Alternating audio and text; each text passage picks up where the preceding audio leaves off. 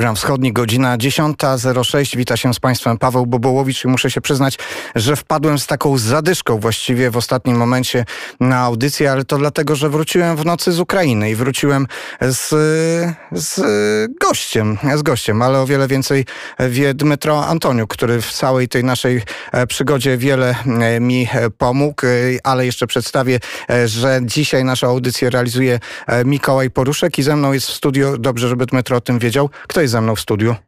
Łukasz. Powiedz. Łukian. Łukian jest ze mną w studiu. Siedmioletni Łukian, który niedawno przyjechał. Skąd przyjechałeś, Łukian? Sprawa dnia wojny. A, tak, przyjechałeś tutaj e, w tym czasie wojny, przyjechałeś z Ukrainy.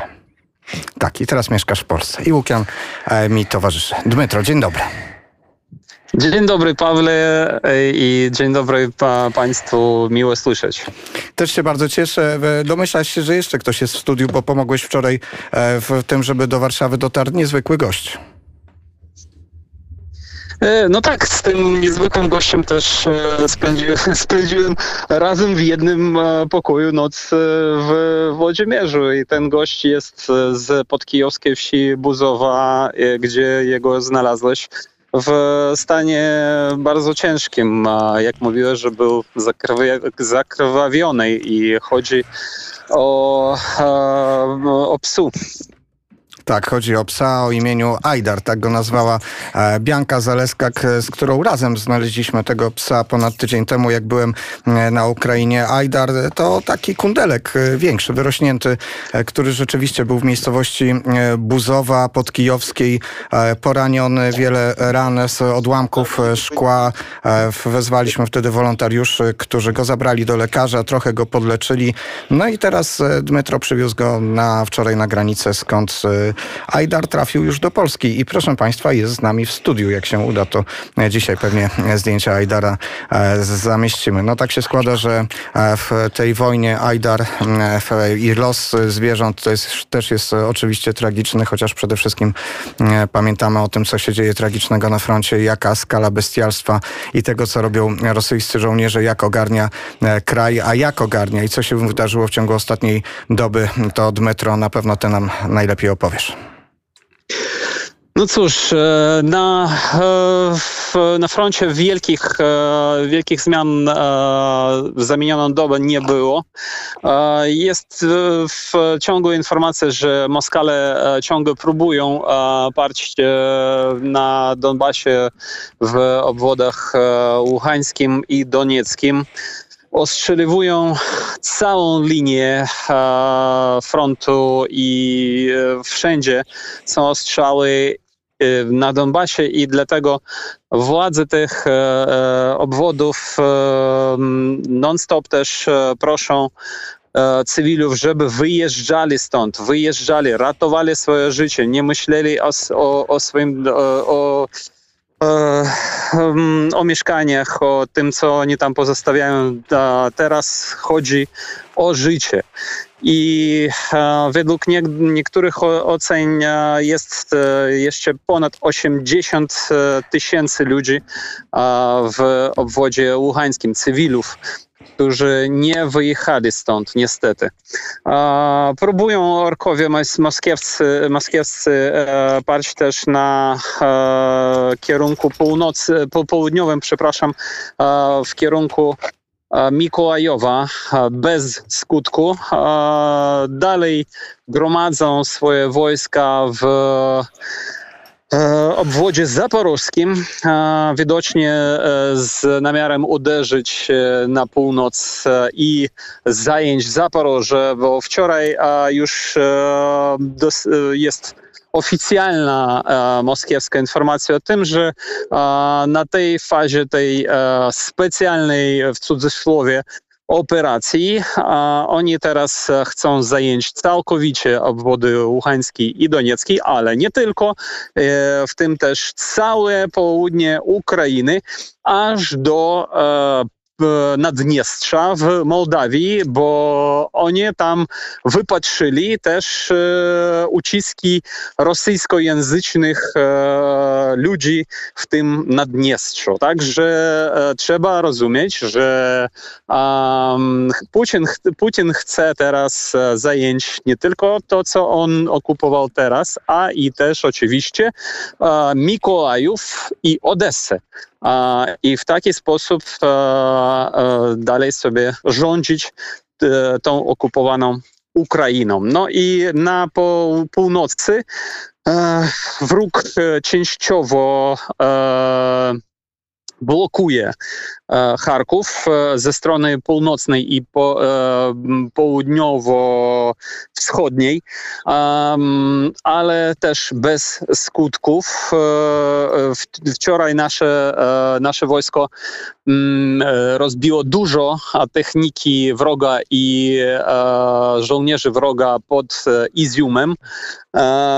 No i zresztą wczoraj też zobaczyliśmy z, w, e, z tobą e, w Włodzimierzu e, kobietę z Iziumu e, i ja za- zadałem pytanie tej kobiecie, e, czy to prawda, że Izium został zajęty przez e, wojsko wroga, dlatego że e, była tam zdrada e, wśród miejscowych i e, ta kobieta, która jest e, uchodźcą z Iziumu, potwierdziła taką, e, tą e, e, informację. Także taka jest sytuacja na froncie. E, Dwukrotnie e, przypomniała mi się pani, z którą wczoraj rozmawialiśmy. e, Pierwszy raz, e, gdy wspomniałeś o tym rzekomym prześladowaniu ludności rosyjskojęzycznej jako motyw e, też e, dalszej e, interwencji rosyjskiej agresji na Ukrainie, bo przecież właśnie z e, mieszkanką Iziuma wczoraj we Włodzimierzu Wołyńskim rozmawialiśmy, na czym my mówiliśmy po, po, po, po ukraińsku, ale ona odpowiadała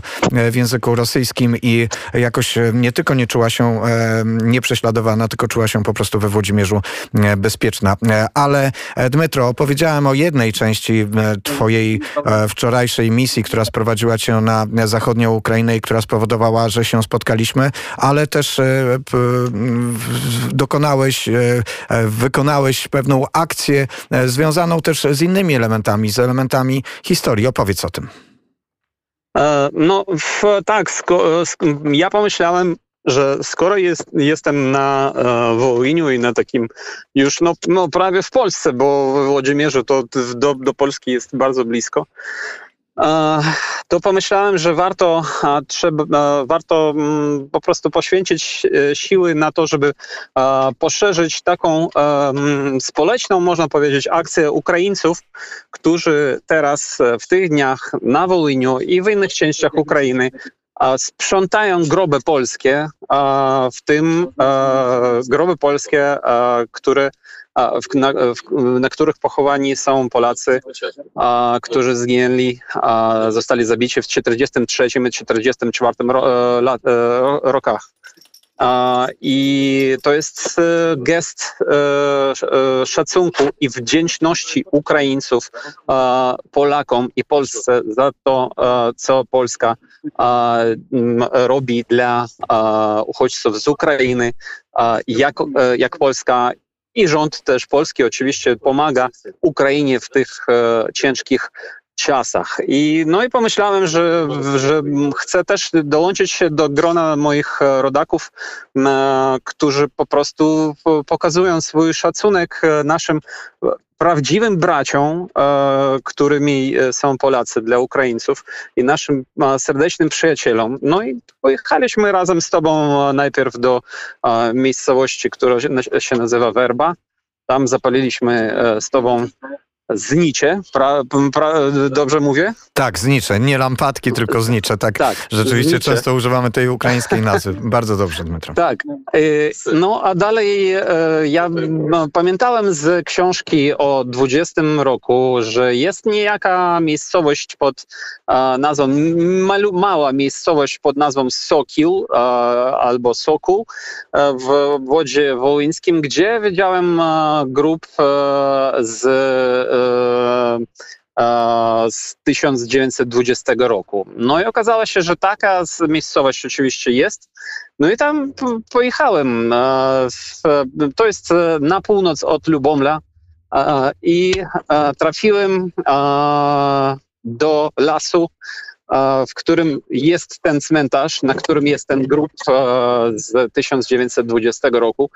I okazało się, że to jest ta znana, niestety, te znane, niestety, miejscowości.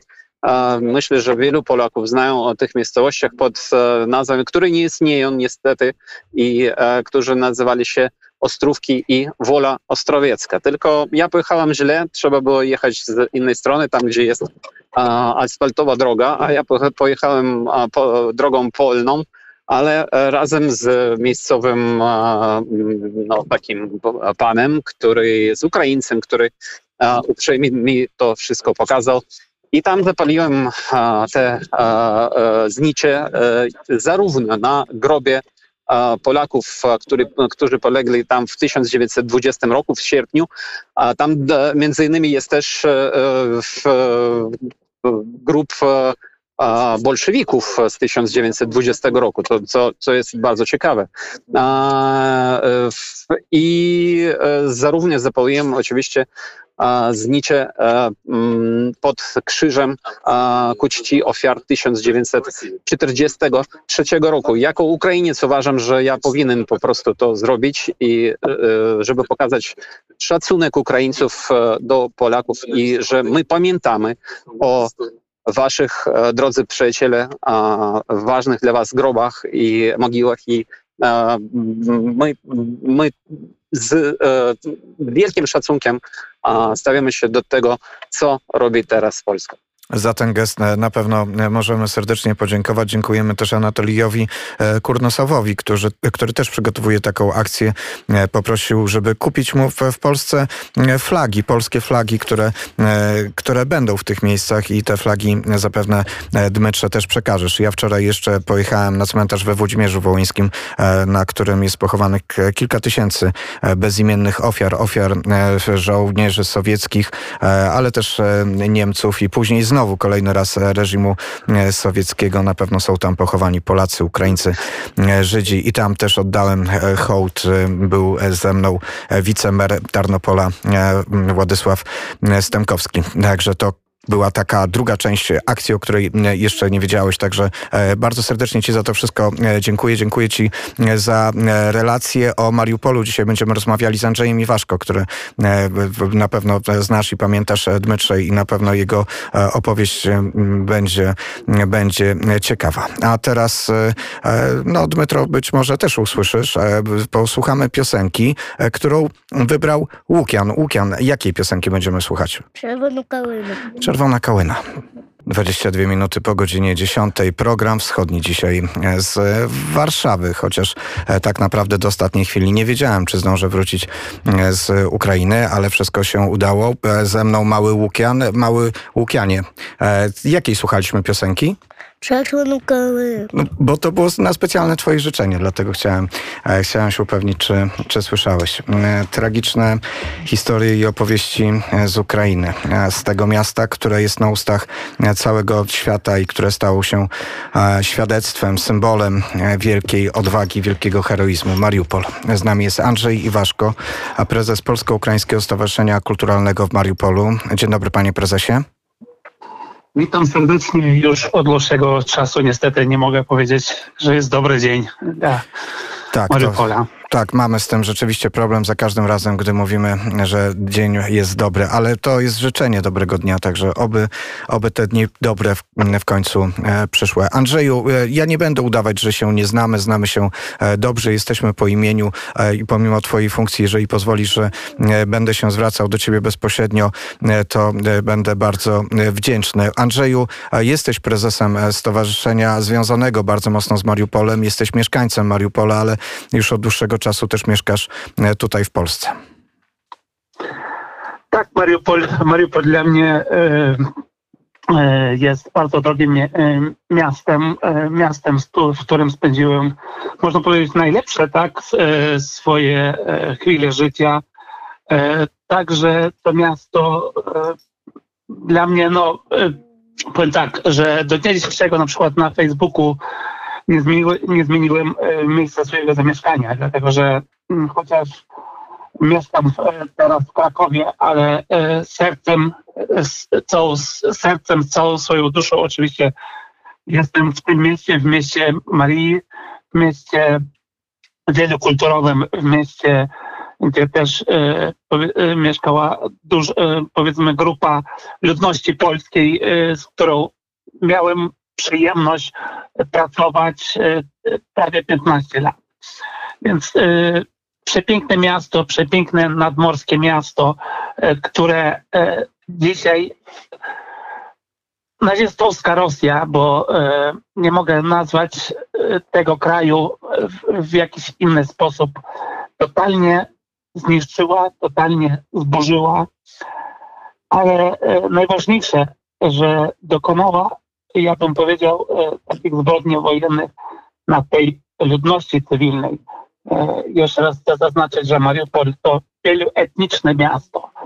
Miasto, gdzie 95%, a może nawet więcej osób rozmawiało w języku rosyjskim.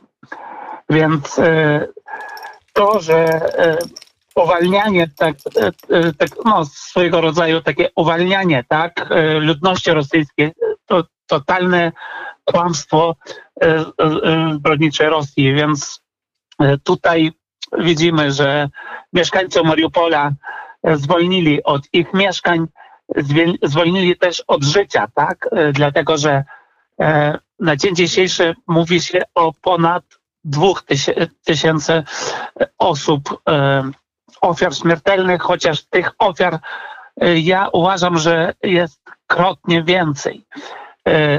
Wśród nich oczywiście to generalnie ludność cywilna.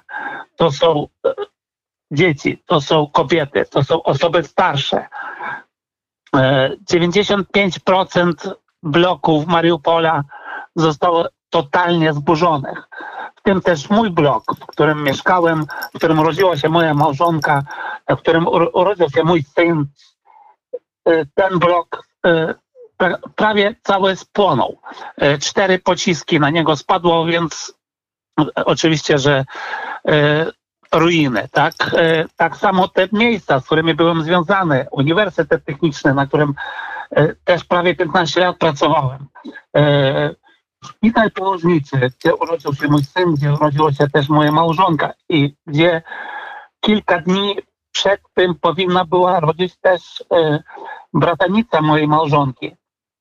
No, tam w Mariupolu, więc te miasta, e, jeżeli teraz patrzę, po prostu serce się kraje, kroje.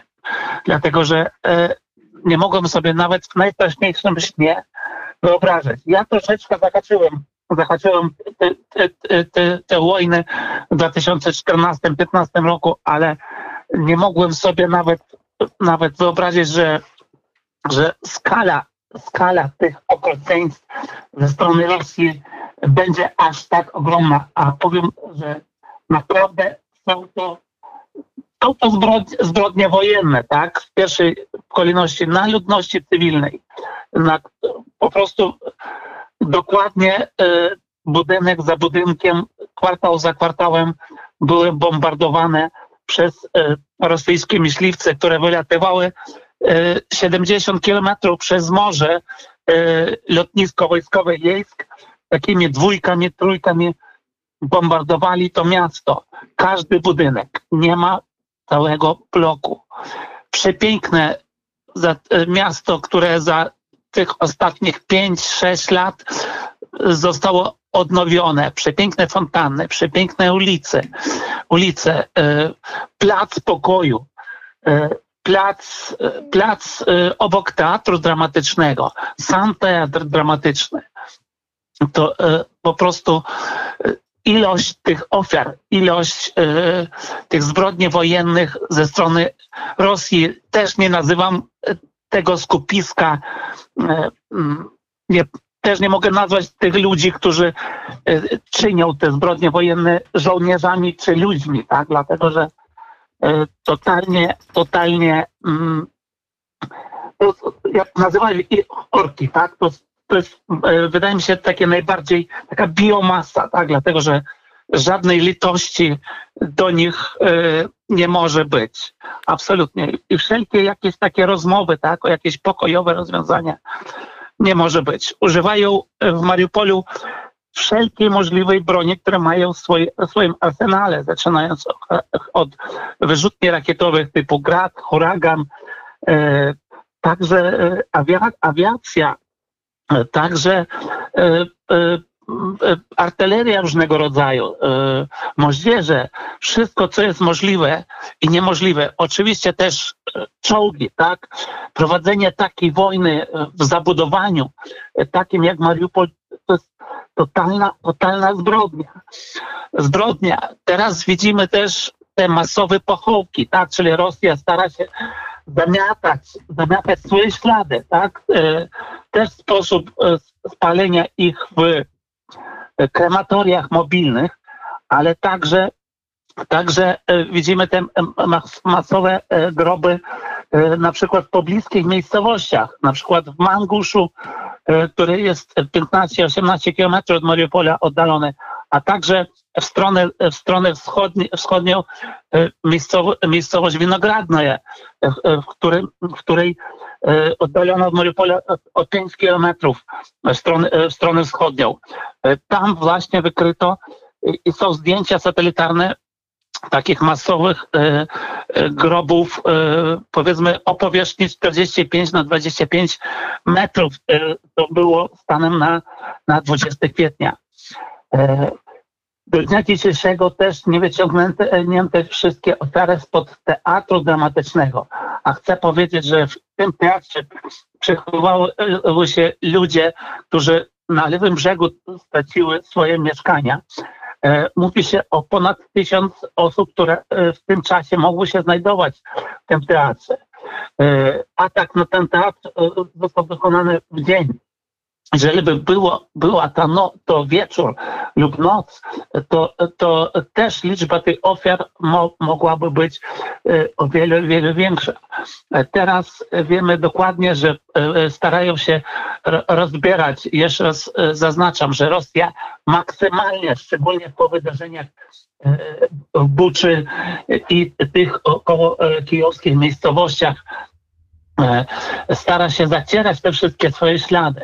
E, Naruszają wszystkie możliwe konwencje prowadzenia wojny, E, w tym też e, wywożenie, deportacje, deportacje ludności cywilnej e, w stronę okup- e, Rosji, która jest e, krajem okupantem, e, krajem agresorem.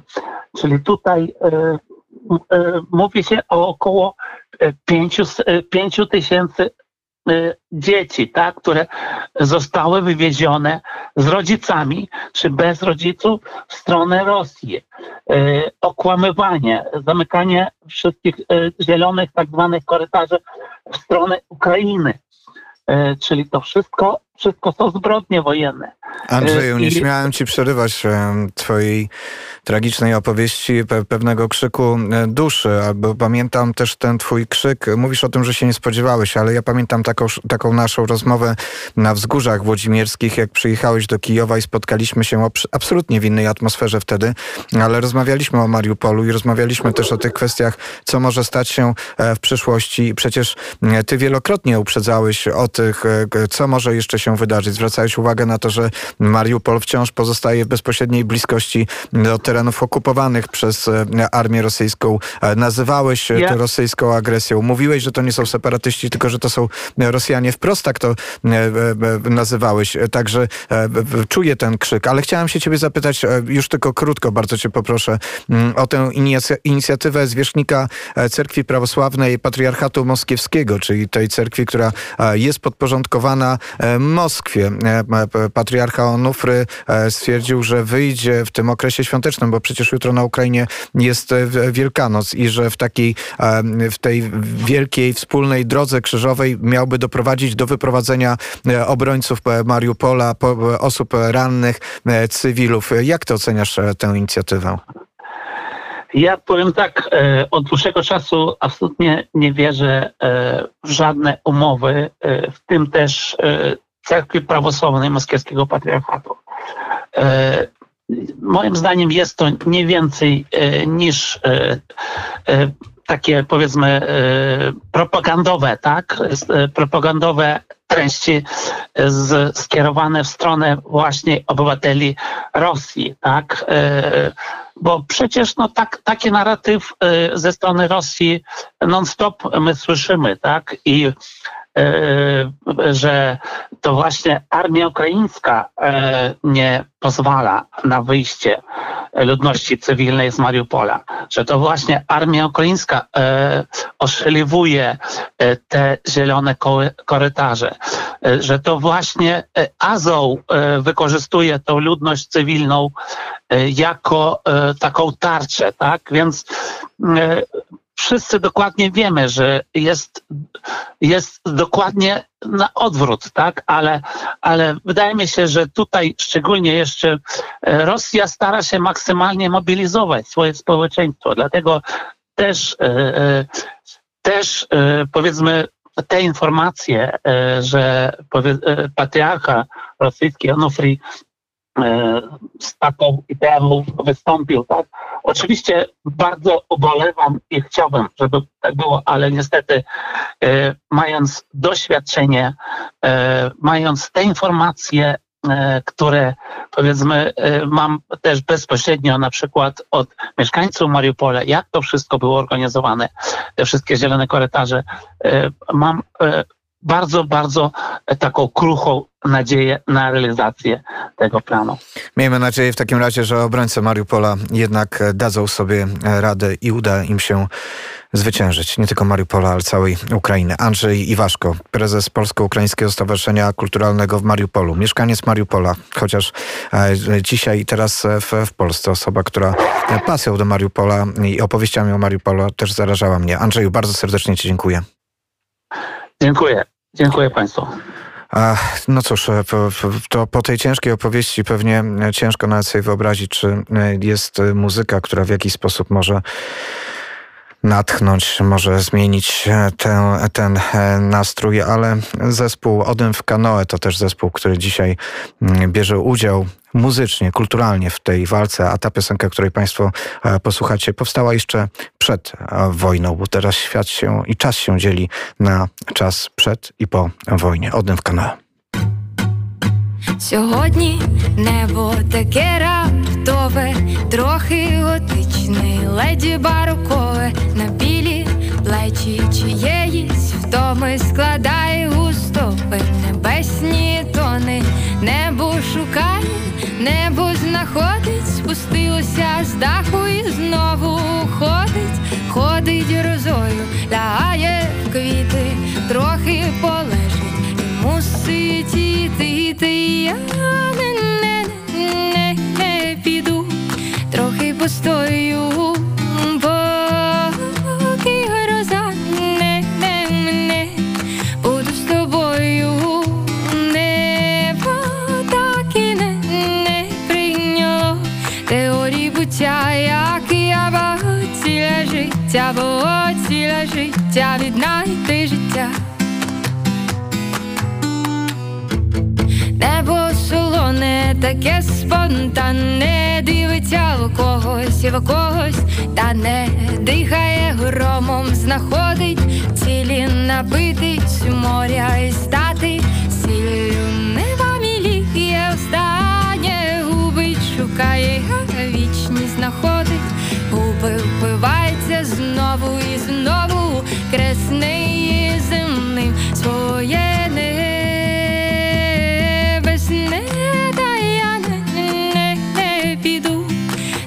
постою, поки гроза не, не мене, буду з тобою, небо так і не, не прийняло. Теорії буття, як я бо ціле життя, бо ціле життя віднайти життя.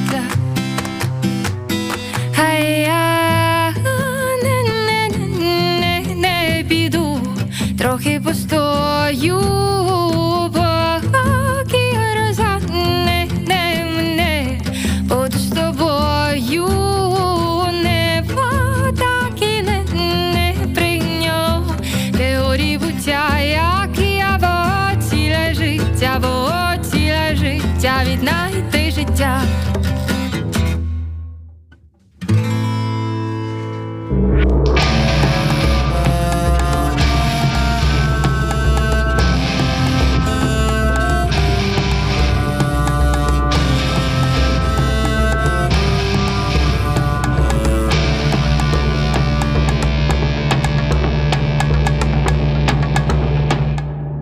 Godzina 10.39. Dzisiaj w studiu jesteśmy w większej grupie. Jest e, mały, mały Łukian. Ile masz lat? Siedem.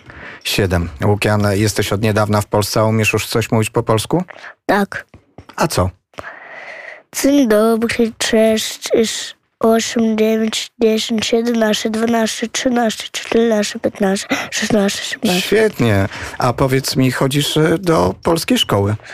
Tak, chodzę. I e, kto cię uczy w szkole?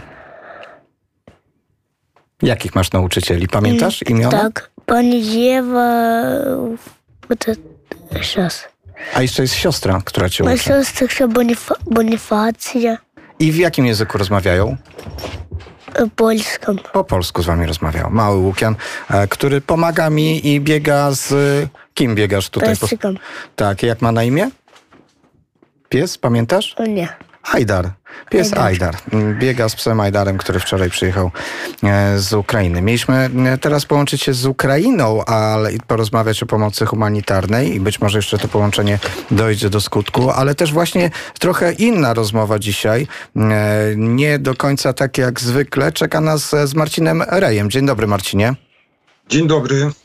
E, Marcin Rej, e, administrator e, profilu facebookowego Rosyjska Piąta Kolumna w Polsce. Marcin Rej, który na naszej antenie tworzy poczet. Cały czas się zastanawiam, czy to jest dobre sformułowanie, Marcinie, bo poczet to jednak kojarzy się z czymś chwalebnym, ale raczej jakąś taką listę tych, którzy sprzyjają rosyjskiej propagandzie. Ale dzisiaj, Marcinie, poprosiłyśmy, żebyśmy porozmawiali o czymś innym, bo przez ten ostatni tydzień nie zajmowałeś się tropieniem rozsiewców rosyjskiej propagandy w Polsce, tylko pomocą humanitarną dla tych, którzy z Ukrainy do Polski przyjechali.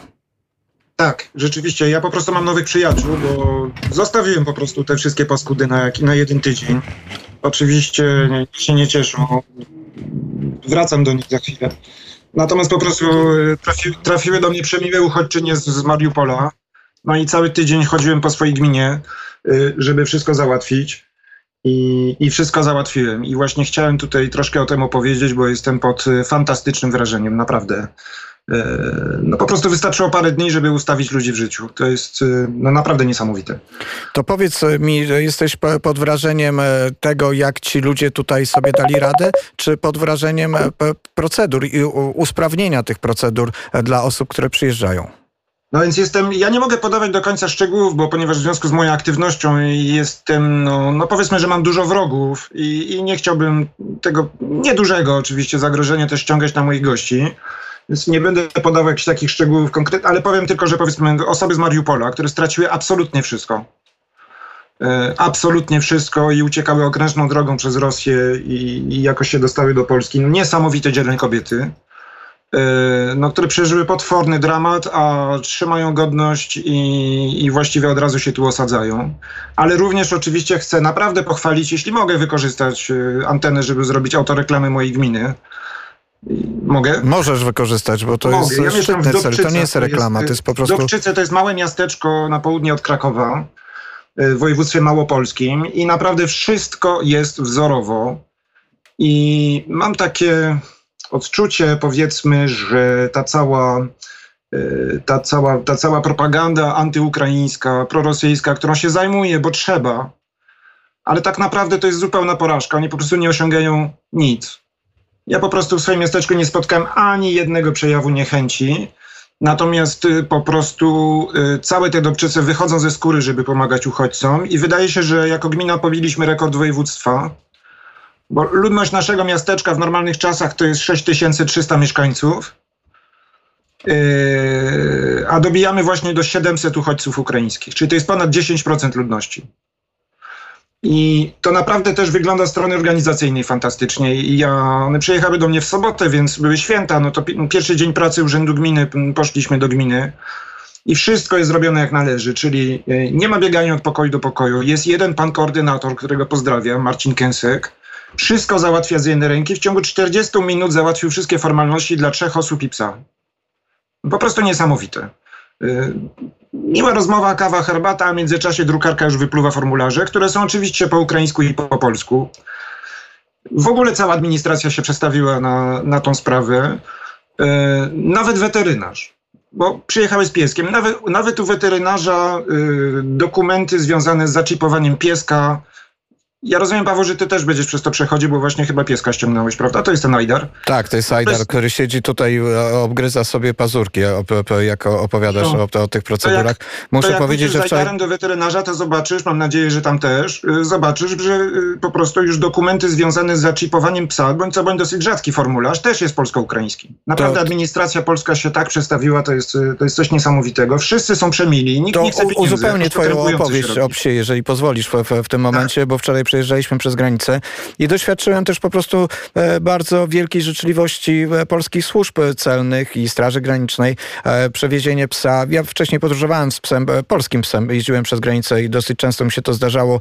Nie, zawsze to było przyjmowane w taki sposób. Teraz pies też był traktowany w sposób wyjątkowy, z taką świadomością, że a szczególnie no, ten psiaczek, który rzeczywiście też wyjeżdża z takiego terenu, w którym wiele się nacierpiał. I z olbrzymią sympatią i życzliwością i pomocą w procedurach, także też dziękuję e, polskiej, polskim służbom celnym szczególnie, bo to one za to e, odpowiadają. Wracamy do twojej opowieści. No dla mnie tak symbolicznie pozostaje to, że akurat no, no, no, no moje panie, one musiały uciekać przez Rosję i żeby się przedostać na Białoruś, to były zmuszone wyrobić jakąś książeczkę psa w Rosji, żeby być wpuszczone na Białoruś.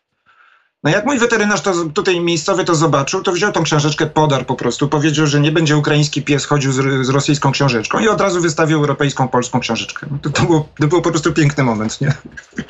Natomiast, yy, natomiast wszystko jest załatwione i w ciągu po prostu pięciu dni nie tylko załatwiły wszystkie formalności, Eee, ale tak, no znalazła pracę, dziecko jest w szkole, no po prostu wszystko jest normalnie, od przyszłego tygodnia toczy normalne życie.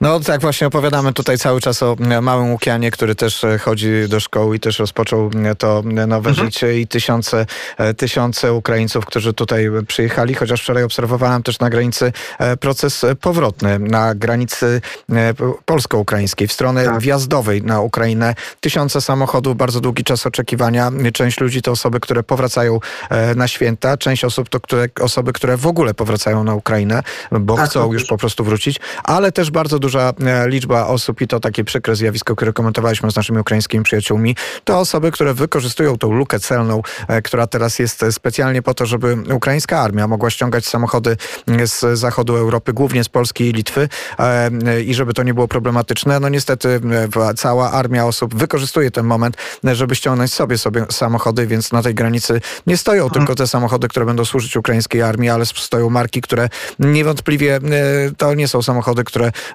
są istotne i ważne w czasie wojny, chociaż jestem w stanie sobie też wyobrazić, że osoby, które straciły e, samochód, a, a to dotyczy też olbrzymiej liczby e, osób, e, chcą teraz to jakoś nadrobić, ale to pewnie, no jak zwykle bywa tak, że jakieś udogodnienia w przepisach czasami ktoś uda się, próbuje wykorzystać w niecnych celach. Marcin, ostatnie pytanie, poprosiłbym cię bardzo krótko, bo za chwilę się jeszcze przeniesiemy gdzieś na centralną Ukrainę. Mimo wszystko chciałbym wrócić do tego elementu dezinformacji, propagandy. Powiedziałeś, że sobie nie dają rady, nie widać ich efektów. A powiedz mi, czy widzisz i odczuwasz w, w tych próbach dezinformacji i propagandy właśnie wykorzystywania już e, motywu e, związanego z mm, uchodźcami, z tymi osobami, które przyjeżdżają i jaka jest twoja prognoza? Czy ten e, element e, będzie rozwijany w e, propagandzie? Co można zrobić, żeby temu przeciwdziałać? Znaczy widać było wyraźnie, prawda, próby, próby budzenia takiego resentymentu, że Ukraińcy dostają dużo, prawda, adresowane do Polaków, że Ukraińcy dostają różne rzeczy, a Polacy są spychani. Tam były różne komentarze, bardzo często nieprawdziwe zresztą, o tym, że jakiś, nie wiem, no powiedzmy, no na przykład Łukasz Warzecha pisał, prawda, taką historię o tym, że gdzieś tam jakieś polskie sieroty zostały właściwie wypchane z sierocińca, żeby zrobić miejsce dla Ukraińców. E, próba takiego robienia resentymentu, ale ja myślę, że to wygaśnie z prostego, z prostego względu, bo politycy czy publicyści, którzy próbują zbijać poklask, no to, no to głównie Konfederacja była. Oni po prostu niech przyjadą do Dobczyc. Ja myślę, że oni są i oni widzą po prostu, że to po prostu nie jest popularne, a, popul- a, a politycy sprzedają takie narracje, które są, które mogą, mieć, mogą być chwytne. Natomiast wydaje mi się, że oni już zrozumieli, albo zaraz zrozumieją, że po prostu to nie przekona ludzi, natomiast będzie budziło obrzydzenie. I myślę, że przestaną po prostu, nie z przyzwoitości, po prostu z kalkulacji politycznej. Jakby ktoś przyszedł do Dobczyc i zaczął opowiadać takie rzeczy, to go myślę, że po prostu ludzie tutaj w Dobczycach albo wyśmieją, albo w ogóle wyrzucą z miasteczka. Więc oni przestaną to robić, bo im się to nie będzie opłacać politycznie. No ale na pewno będziesz to obserwować i na pewno, Oczywiście. i na pewno e, będziemy też o tym e, Państwa informować i e, zapewne za tydzień powrócimy do tego niechlubnego pocztu osób związanych z dezinformacją. Marcin Rej, który, Obiecuję. który w tym tygodniu pomagał uchodźcom, to piękna sprawa. Dziękuję Ci Marcinie. Pozdrawiamy serdecznie. To ja dziękuję, do widzenia.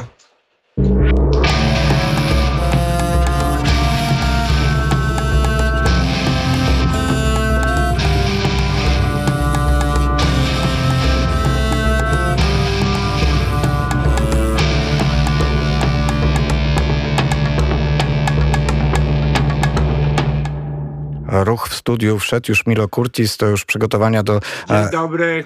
E, Dzień dobry, dzień dobry. To przygotowania do następnej audycji, ale my z programu wschodniego szybko, czy w programie wschodnim, teraz szybko się przenosimy gdzieś na, dosłownie, na te dalekie stepy. Nie mówimy tego miejsca, e, gdzie jest e, Karin, Karin Markiewicz. Dzień dobry, Karin. Dzień dobry, dzień dobry. E, Karin, spotkaliśmy się w Buzowej. To wszystko jest trochę związane też z tym e, psem, bo chciałem ci powiedzieć, że psa, którego widziałaś w e, Buzowej, którym próbowaliśmy się zająć, jest i dotarł do Warszawy. Ten piesek poraniony z Buzowej jest już tutaj, jest, chodzi po naszym studiu, a myśmy się spotkali z tobą przypadkowo całkowicie w Buzowej. Ja dognałem samochód, którym jechałaś, samochód oznaczony polsko-ukraińska pomoc humanitarna. Zobaczyłem, że za kierownicą jest e, kobieta, jedzie sama tym samochodem. E, Musiałaś zwolnić, bo tam tworzyły się e, korki, głównie przez reporterów, którzy filmowali zrujnowane, m, zrujnowane domy. Zaczęliśmy rozmawiać i okazało się, że oto polska bizneswoman, właścicielka firmy, nagle właściwie porzuca trochę swoją firmę i swoich współpracowników, może trochę przekoloryzowałem, bierze samochód, jedzie na Ukrainę i zaczyna rozwozić pomoc humanitarną. Opowiedz, jak to się stało. E, To już była moja trzecia taka wyprawa. E, Pierwszą wyprawą e, był wyjazd z Facebooka. Ktoś prosił o pomoc, żeby wydobyć dzieci z Sum. Nie wiem, spontanicznie pojechałam po te dzieci. Tak trafiłam przez przypadek właśnie tutaj w miejscowość Myrne, mogę powiedzieć, bo wyrazili zgodę na to. E, Trafiłam w miejscowość Myrne, gdzie e, przez godzinę policyjną po prostu tutaj e, chwilowo ugrzęzłam, aczkolwiek chyba tak miało być, ponieważ e, tutaj e, mieszkańcy, jak i również, jak to nazwać, e, starostwo i e, wojskowi pomogli mi wydobyć te dzieci tam z tego sum. E, Z wspólnymi siłami dzieci dojechały do swoich rodzin, do Norwegii. E, Tak też e, z racji tego, że mój pierwszy wyjazd miał być tylko, e, przepraszam, tylko na trzy dni, to e, ugrzęzłam tu na osiem i zobaczyłam po prostu, że kompletnie niczego tutaj nie ma, więc e, postanowiłam, że w ramach wdzięczności e, przyjadę tutaj i przywiozę, co jest potrzebne. Mm, Przyjechałam drugi raz i okazało się, że e, jest tutaj masa rzeczy potrzebnych, niezbędnych przede wszystkim do egzystencji jakiejkolwiek. Tak więc e, zapakowałam co tylko możliwe. E, gdzieś tam próbowałam oczywiście robić jakieś zbiórki, a tego, czego mi brakowało z listy, po prostu poszłam i kupiłam. Przywiozłam te dary i okazało się, że jest właśnie tutaj zapotrzebowanie mega większe. E, Dlatego też pojechałam trzeci raz, a trzeci raz to chciałam właśnie, poświęcając teoretycznie święta nasze wielkanocne, e, chciałam e, zorganizować tutaj takie mini święta dla nich. Wiem, że to nie ma po prostu takich warunków tutaj, bo jest wojna i chciałam, żeby chociaż troszkę, przepraszam, chociaż troszkę mieli namiastkę tych świąt tutaj. Tak więc wspólnie tutaj z e, mieszkankami e, upiekły, e, przywiozłam wszystkie produkty, upiekliśmy tutaj paschę, poś, e, pokolorowaliśmy jajka, tam gdzieś od gospo, Karin, po, gospodarzy po, zdobyliśmy Karin jajka. poczekaj, muszę ci przerwać. Powiedz, co to jest pascha, bo to nie jest takie oczywiste w Polsce. To są takie, takie babeczki drożdżowe, maleńkie, w takich jakby mm, no, maleńkie takie ciastka, takie babeczki drożdżowe z taką e, polową lukrową i z posypką, bo to tutaj takie jest jakby popularne. Więc po prostu popiekli, e, dziewczyny popiekły tutaj w e, przedszkolu i w szkole, zorganizowały się i popiekły. Wczoraj mieliśmy już akcję, rozwoziłam to po polsku emerytom, y, takim, którzy są tutaj samotni, którzy nie mają dosłownie pieniędzy na to, żeby cokolwiek kupić, więc wczoraj e, żeśmy popakowali to, porozwoziliśmy to emerytom. Dzisiaj mamy za chwilę e, zamiar porozwozić paczki dla rodzin wielodzietnych i dla osób, które uciekły gdzieś z rejonów tych zbombardowanych. Tutaj e, gdzieś tam są po prostu ulokowani. Do nich też e, przygotowaliśmy takie paczki właśnie, żeby mogli jutro e, spędzić te święta w takim no chociaż tak wygronie, po prostu w takim, takim mirze, takim świątecznym. Więc e, będziemy im to rozwozić, będziemy rozwozić e, dzieci, e, rodzinom wielodzietnym, no i resztą, reszta tych pensjonariuszy, których po prostu jestem w stanie tutaj obdarować, bo niestety siłą rzeczy nie miałam tego aż tak wiele. Samochodzik mały, nie mały, ale też no coś tam nazbierałam wspólnymi siłami, oczywiście z mieszkańcami e, i z moją rodziną kochaną, która bardzo się zaangażowała tym razem e, w to, żeby, żeby mnie tutaj po prostu jakoś e, zaopatrzyć, żebym mogła cokolwiek tutaj podziałać. Karin, e, No i to- przez te kilka dni, które tutaj jestem, no niestety nazbierało się jeszcze mega, mega rzeczy, które są niezbędne. No właśnie. wszystkim I, i, ty, I ty mu informujesz w swoich mediach społecznościowych. E, Powiedz, jeżeli ktoś chciałby pomóc Ukrainie przez ciebie, co powinien zrobić? Jak z tobą się ma skontaktować? Możecie przez Facebooka. E, Ja za do tygodnia myślę, że uporam się tutaj z tymi wszystkimi postanowieniami, z którymi przyjechałam.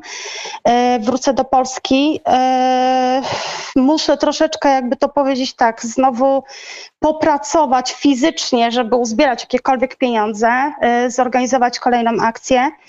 E, Troszkę się podleczyć i, i planuję gdzieś za, za miesiąc, za dwa znów tutaj przyjechać przede wszystkim łącznie, no, no przede wszystkim co? Leki, leki, e, bo już brakuje mi znajomych, na których mogę wypisywać gdzieś tam recepty i żeby wykupywać te lekarstwa, no na to mi idzie masę pieniędzy. E, I przede wszystkim produkty spożywcze, produkty spożywcze typu cukier, mąka, kawa, herbata, ryż, kasza, podstawowe produkty, chemia, z chemii to jakieś tam po prostu mydła, szampony, żele. No i teraz z tych najbardziej, jak już wczoraj byłam właśnie na takim już e, w rozdaniu tych wszystkich podarków tutaj, no to y, okazało się, że potrzebuję pampersy dla dorosłych, pampersy dla dzieci niepełnosprawnych, przede wszystkim insulinę. Słuchajcie, no z insuliną mam mega problem, żeby ją zdobyć. Znajomi y, próbowali przez Narodowy Fundusz Zdrowia albo coś, no ale po prostu nie wiem, nie mam albo po prostu na chwilę obecną takiego jakiegoś kontaktu, gdzie mogłabym zdobyć tą insulinę tutaj dla, dla ludzi. Jest jeszcze wiele, wiele takich leków, gdzie już e, na takiej mojej jakby na razie tablicy yy, przyklejam sobie takie karteczki i coraz bardziej ona tutaj jest zapełniona, ta moja tablica, tymi karteczkami tych leków, które są po prostu niezbędne tu na chwilę obecną, bo albo ich nie ma, albo były gdzieś tam sprowadzane z Rosji, tym bardziej, więc po prostu trzeba wyszukać gdzieś jakichś zamienników. Yy, No i właśnie o, to wszystkie leki, wszystkie potrzeby. E, Rozumiem, że można się z tobą kontaktować na Facebooku Karin Markiewicz. Tam państwo dowiecie się, Tak. jakie są potrzeby. E, Piszcie. E, Karin e, dostarczy po tym, jak wrócisz i e, odpoczniesz. E, Króciutko tylko powiedz, tam gdzie jesteś, jest bezpiecznie? E, Tak, jest bezpiecznie. Mam tutaj naprawdę bardzo dobrą opiekę. E, Jest bezpiecznie. W przyszłym tygodniu planujemy też właśnie z darami pojechać w miejsca tam, e, gdzie jakby to przesz, powiedzmy, nazwijmy to przeszło tornado rosyjskie.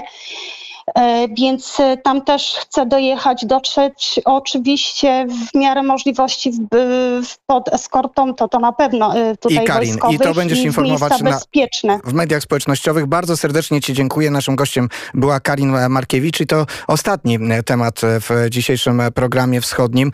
Bardzo Państwu serdecznie dziękuję za uczestnictwo, za wysłuchanie i za wspieranie naszej pomocy, którą też organizujemy i na pewno dalej będziemy organizowali wszystkim osobom, które jutro będą e, świętować e, Wielkanoc w tym e, rycie wschodnim. Serdeczne życzenia. Przede wszystkim zwycięstwa dobra nad złem. Nisko się kłaniam do usłyszenia, ale jeszcze muszę podziękować Mikołajowi Poruszkowi za realizację i dziękuję serdecznie Łukianowi za wsparcie, pomoc i pilnowanie e, psa. A my za w programie wschodnim usłyszymy się za tydzień. Do usłyszenia.